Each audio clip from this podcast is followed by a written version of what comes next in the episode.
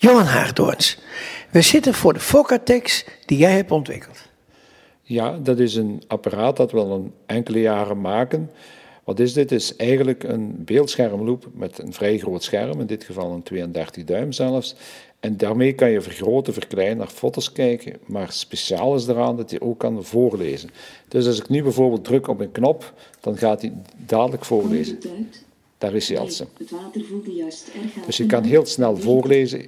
Het gaat heel snel. Ik kan ook snel van kolommen wisselen. Ik leg nu een andere kolom eronder en ik druk op de knop en die gaat ook weer onmiddellijk lezen.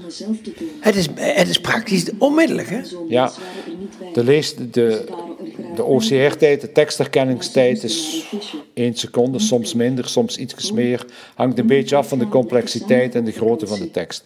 Maar is praktisch is heel snel. Je kan ook heel snel wisselen, dat is het voordeel. Als je een tekst hebt en je vindt die niet leuk, je kan onmiddellijk naar een andere tekst gaan. Oké, Maar het moet allemaal wel gedrukte tekst zijn?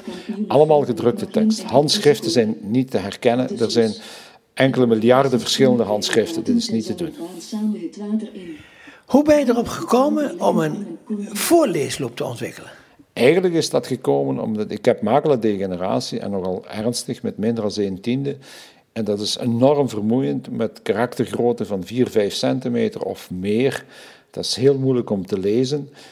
En ja, door een duur je niet meer. Dan zeg je, wat een, veel te moeilijk. En we hebben altijd gedacht, we zouden het moeten kunnen laten voorlezen. Druk op de knop en het laten voorlezen. Dus eigenlijk ontstaan uit mijn eigen behoefte, ja. Maar die behoefte, die was er al heel lang? Die was er al heel lang. En we hebben ook, wij zijn een technisch bedrijf die loepen ontwikkelt. We hebben lang zitten wachten tot op een bepaald ogenblik de techniek zover was dat we het konden bij elkaar brengen. Want er zijn verschillende elementen. De camera moet goed zijn, de OCR moet goed zijn. De OCR, wat is dat? OCR, Optical Character Recognition. Oh, dat hij dus een foto maakt van de... Dat is dus het herkennen van de karakters. Hè. Dus, dus het uh, omzetten van beelden naar letters. Dat moet allemaal snel genoeg gaan. En dus dat, we hebben dat jaren op voorhand. Ik denk dat we tien jaar geleden, vijftien jaar geleden daar al aan dachten. Maar het was gewoon niet mogelijk. Maar je was ook een van de eerste die met digitale technieken ging werken, terwijl alle andere fabrikanten analoog waren. We, hadden, we hebben al lang digitale loepen, dat hadden we al ervoor, want dat is natuurlijk, we kwamen van analoge loepen. Je moet dan eerst de hele technologie onder de knie krijgen voor de digitale loepen. Dan moet je de hele uh, techniek onder de knie krijgen, alles wat te maken heeft wat met Wat je bedoelt met loepen, dat is dus vergroting? Beeldschermloop, ja, ja, ja. Die moet je dus helemaal onder de knie krijgen. Want dat zijn allemaal dingen die allemaal samenvallen. Want zelfs de verlichting is een probleem. We hebben dus ook, verlichting was ook een stap. We hebben die hele verlichting moeten opnieuw ontwikkelen. Dus er zijn vele elementen die maar op een bepaald ogenblik kunnen samenvallen. Maar wat is dat met verlichting dan? Ja, dus we hadden vroeger nog verlichting met spaarlampen. En spaarlampen hebben een zeer een puntvormige lichtbron. Mhm. En als je dat dan uh, tekstherkenning op doet, dan zijn sommige letters iets minder verlicht en dan krijg je fouten. Dus we hebben een heel diffuus licht moeten maken. Dat is sowieso, diffuus licht is sowieso goed voor slechting, hè? Ja, uiteraard. En dat, was dus, en dat konden we dat ook regelen. Hè, want je kan heel goed, het, als dat met leds is, de, het ledverlichting laat zich ook heel goed instellen. En dat ging met die vroegere lampen niet. Dus dat moest ook nog gebeuren. Dat is dan tevoren gebeurd. Hè. Eén hoera voor de ledverlichting natuurlijk. En? Eén hoera voor de led Ja, ja, de ledverlichting gebruiken, gebruiken we nu in al onze lopen. Dat is al de, denk de derde generatie ondertussen. Want ze worden altijd beter, beter kleurwaarneming en ze verbruiken minder. Ja. En eh, de meeste loepen in het verleden, die, die vergroten vanaf 3 tot 60 keer bijvoorbeeld. Ja. Nou, 60 keer, dan krijg je maar één letter op, op het scherm, dat, dat is een beetje onzin. Maar uh, uh, maar jullie vergroten in feite ook heel, heel, een kleine vergroting. Ja, wat we doen eigenlijk, als je wilt comfortabel lezen, dan moet je eigenlijk proberen eerst te kijken hoe een goedziende leest. Die, begint altijd vanaf een overzicht naar een detail. Die gaat eerst in zijn boekje of in zijn tijdschrift bladeren en dan daarna een tekst kiezen. En om dat te doen moet je dus op een beeldscherm ook liefst de ganse bladbreedte zetten. Maar een bladbreedte zetten op een klein scherm is onmogelijk. Want dan is het scherm maar zo breed als je blad, heb je geen vergroting. Dus je moet een vrij groot scherm hebben om met een kleine vergroting toch iets zinvols te doen. Dus bijvoorbeeld op die 32 duim, de kleinste vergroting is drie keer, drieënhalf keer de breedte van een blad. Anders gaat het niet. Heb je een 22 duim of een 19 duim, vroeger had je één, anderhalve keer. Daar kunnen de meeste slechtzienden niks mee doen. Ja, ja, ja. Maar dat betekent dus dat je dus een, een, uh, een A4'tje in de breedte in zijn geheel op het scherm kunt krijgen. Dat kan, het is zelfs iets meer. Het is ongeveer 23 centimeter wat er op het scherm kan. Maar een A4 is maar goed 19 à 20 centimeter. Dus we, kunnen het, we moeten de kleinste vergroting zelfs niet gebruiken. Oké. Dan zijn er, uh, je kunt natuurlijk in, in zwart-wit, wit-zwart, uh, geel en, en alle kleuren natuurlijk. Ja, er zijn alle mogelijke kleuren. Dat is een, een kleurenpalet van 27 verschillende kleuren kan je kiezen. Maar eigenlijk is het gewone witte letters op zwarte achtergrond het meest gebruikte, ik denk 80, 90 procent van de gebruikers gebruiken witte letters op een zwarte achtergrond. Ja, ja, precies. En wat je me ook vertelde, is namelijk, eh, als we namelijk eerst even een blad lezen met eh, gewoon Nederlandse tekst, en er dan een blad in het Frans onderleggen, dan gaat die direct overschakelen in het Frans. Ja, de, de heeft heel veel talen en die kan ook um, talen zelf detecteren en omschakelen. Dat is interessant in landen waar bijvoorbeeld er meertalige dagbladen zijn. In Luxemburg bijvoorbeeld, daar is een dagblad gedeeltelijk in het Duits, gedeeltelijk in het Frans. Er zijn nog zo enkele landen die dus meertalige dagbladen hebben. In België niet dan? In België is dat niet, maar in sommige landen is dat wel. En dus als ik nu hier bijvoorbeeld een voorbeeld geef, ik heb nu die Nederlandse tekst, ik laat die even lezen. Eigen zeggen ook. Ja. Het was juist op het einde van, ik had een beetje moeten schuiven, want die was beneden. Hele tijd inblijven. Dus nu leest hij dat. Dus dit is een Nederlandse tekst? Dit is een Nederlandse tekst. Ik stop die en ik ga er nu een Frans onder leggen. Ja, die legt hij nu onder en nu druk je op de knop. En hij gaat onmiddellijk in het Frans lezen. Zonder dat je moet in te stellen. Zonder in te stellen kiest hij dat. Ja. Hij kan kiezen tussen het aantal talen waar je tussen moet kiezen, kan je instellen. Ja? In sommige landen heeft men soms wel drie talen. Hè. Hè, bijvoorbeeld Zwitserland is ook zo'n meertalig land. Daar is het uh, Duits, Frans, Italiaans. Ja, precies. En voor die landen is dat heel erg interessant. Ja. Zijn er nog meer faciliteiten hier? In, want het ziet er eigenlijk normaal uit als een beeldschermloop met een XI-tafel en met, uh, enzovoort. Ja, maar je verwacht niet dat er zoveel achter zit. Eigenlijk is de, de hele opzet van deze loop is van een loop proberen te maken die kan voldoen aan meerdere soorten van slechtziendheid. We hebben in een achterliggend menu dat toegankelijk is, niet door de gebruiker, maar door de, de installateur, kan verschillende zaken instellen, zoals uh, de lichtsterkte kunt je instellen, je kunt een lijn, een balk instellen, je kan de leesbox of de leeslijn vergroten, zodanig dat hij dat dat iemand met een minder vermogen dat kan volgen. Maar er zit ook iets op wat heel speciaal is. Er zit een tikkermode in. Dat wil zeggen een soort leeskrant. En die leeskrant die gaat het woord vergroot van onder tonen. In een lettertype dat door de RNIB, de Engelse slechtziende vereniging, is ontwikkeld als meest leesbare. En daarmee kan je dus met een altijd op hetzelfde punt je woord zien staan. Iemand met tunnelzicht heeft problemen om een bewegend tekst te volgen, maar die kan dan zijn oog richten op één vast punt waar het woord altijd... En, en er wordt ook altijd op hetzelfde punt uh, geprojecteerd? Het wordt, altijd op hetzelfde punt geprojecteerd. Maar dan moet je al wel heel slecht kunnen zien.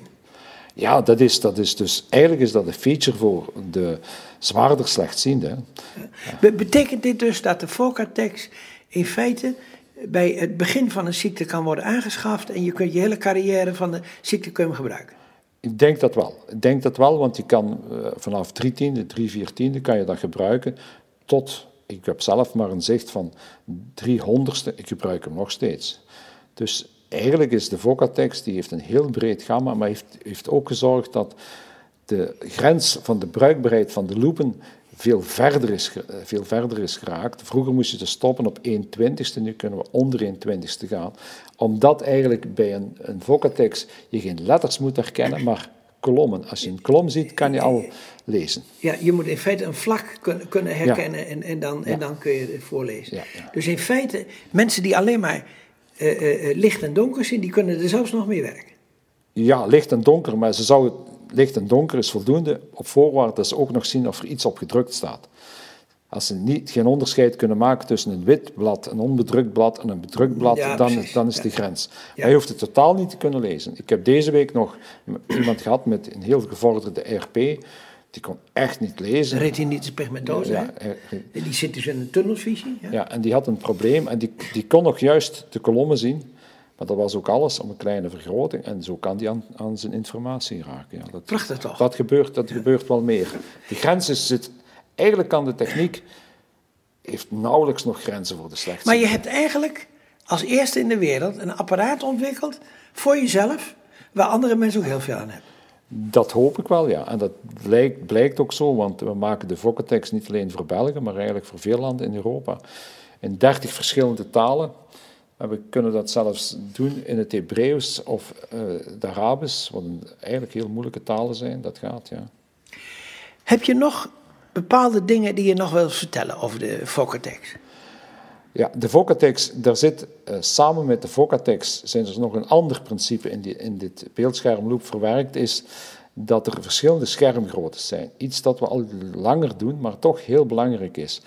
Een van de testen die we altijd doen met slechtzienden is kijken hoe breed is het gezichtsveld en proberen het gezichtsveld te doen overeenkomen met de grootte van het scherm. Dus we hebben schermen van 22 duim tot 40 duim. En dus voor ieder gezichtsveld is er wel een aangepast scherm te vinden. Dat is ook iets dat uniek is. En daar is soms wel wat eh, gedoe over, in de zin van, is dat wel nodig, zo'n groot scherm? Ja, ik vind dat wel. Een slechtziende heeft altijd een grotere... Slechtziende die geen vergroting nodig heeft, dat is geen slechtziende. Als je kijkt dat de zienden op dit ogenblik allemaal naar grote schermen gaan, vind ik de discussie over schermen van 20 duim enzovoorts een beetje achterhaald. De standaard op een bril is 24 duim en geen... En de slechtziende moet dan toch een beeldscherm gebruiken van 20 duim of 22. Ja, ja. Maar heb jij uit ervaring dat de, dat, dat de meeste slechtzienden daar beter mee uitkomen. Wij, de meest verkochte loop is de eentje met een schermdiagonaal van 32 duim. Oké, Dus 80 centimeter diagonaal. oké. Nog meer features? Ja, er zijn nog features, maar die, zijn dan, die zitten dan nog wat verder weg. Bijvoorbeeld, die heeft ook een USB 3 aansluiting, waarbij die rechtstreeks kan aangesloten worden op een computer, zodanig dat je een splitscreen hebt met zoomtekst. Dat integreert zich heel goed samen met zoomtekst om bijvoorbeeld, eh, wanneer je bankverrichtingen doet, de ene helft gebruik je voor je bankprogramma en de andere helft is voor je facturen die je moet betalen. Dat kan, ja. Zo. En, en je kunt er namelijk, in feite kun je de computer erop zetten, maar ook de televisie. Ja, want eigenlijk als je dus kijkt naar wat is de behoefte van een slechtziende, is altijd hetzelfde. Ik kan niet lezen, ik kan niet schrijven, ik kan niet op de computer en ik kan niet goed tv kijken. En dus wat we eigenlijk doen is met de Vocatex tegemoetkomen aan het lezen en het schrijven. Ook aan de computer, want een groter scherm voor een computer is ook heel belangrijk. We sluiten dus die aan, ook, een, heb ook het geluid via het scherm. En tv kijken op de afstand van 40 centimeter, met eventueel gecombineerd met de eh, gesproken ondertitels, dan krijg je een communicatiecentrum voor de slechtzienden in de woning. Gaat dat gebeuren? Hoe dat, dat gebeurt, dat is niet... dat nee, maar niet- het zou toch fantastisch zijn dat je gewoon televisie erop kijkt en dat de Vocatex in feite de, de ondertiteling voorleest. Ja, maar dat kan, hè. Dat is Ja. nu al. Hè, want dat is van het ogenblik als je daar die app gebruikt van eh, gesproken ondertitels, dan kan dat. Ja, dat kan dat. Maar, maar kun je het ook, eh, eh, de, de televisie in feite gewoon op je, op je Vocatex-scherm? Nee, nee, nee, nee je, moet nog altijd, je moet altijd via de, de, eh, de Nederlandse gesproken Ja, ja, ondertitels gaan. Ja, ja, dat gaat niet anders. Oké, misschien nog nieuwe ontwikkelingen. Ja. ja, maar eigenlijk op dit ogenblik bestaat dat. En ja, ik, wij gaan niet aan die gesproken ondertitels nog een ontwikkeling doen. Nee. Oké. Ehm, wil je nog iets zeggen? Of anders dan wil ik je hartelijk bedanken voor dit interview. Eh, eh, voor dit, nou ja, toch wel eh, eerste, eerste apparaat eigenlijk eh, in de wereld dat kan voorlezen. Ja, eigenlijk ben ik daar, als ik dat persoonlijk zie, als we de laatste jaren bekijken, we hebben toch heel wat mensen heel blij gemaakt. Er zijn toch heel wat mensen die zeggen, kijk, dit apparaat dat staat bij mij de hele dag aangeschakeld. Ik gebruik dat heel veel keren per dag. En we hebben eigenlijk heel, heel veel, heel, heel tevreden eh, gebruikers. Dat is zo en dat is heel plezierig. Goed om te horen en bedankt.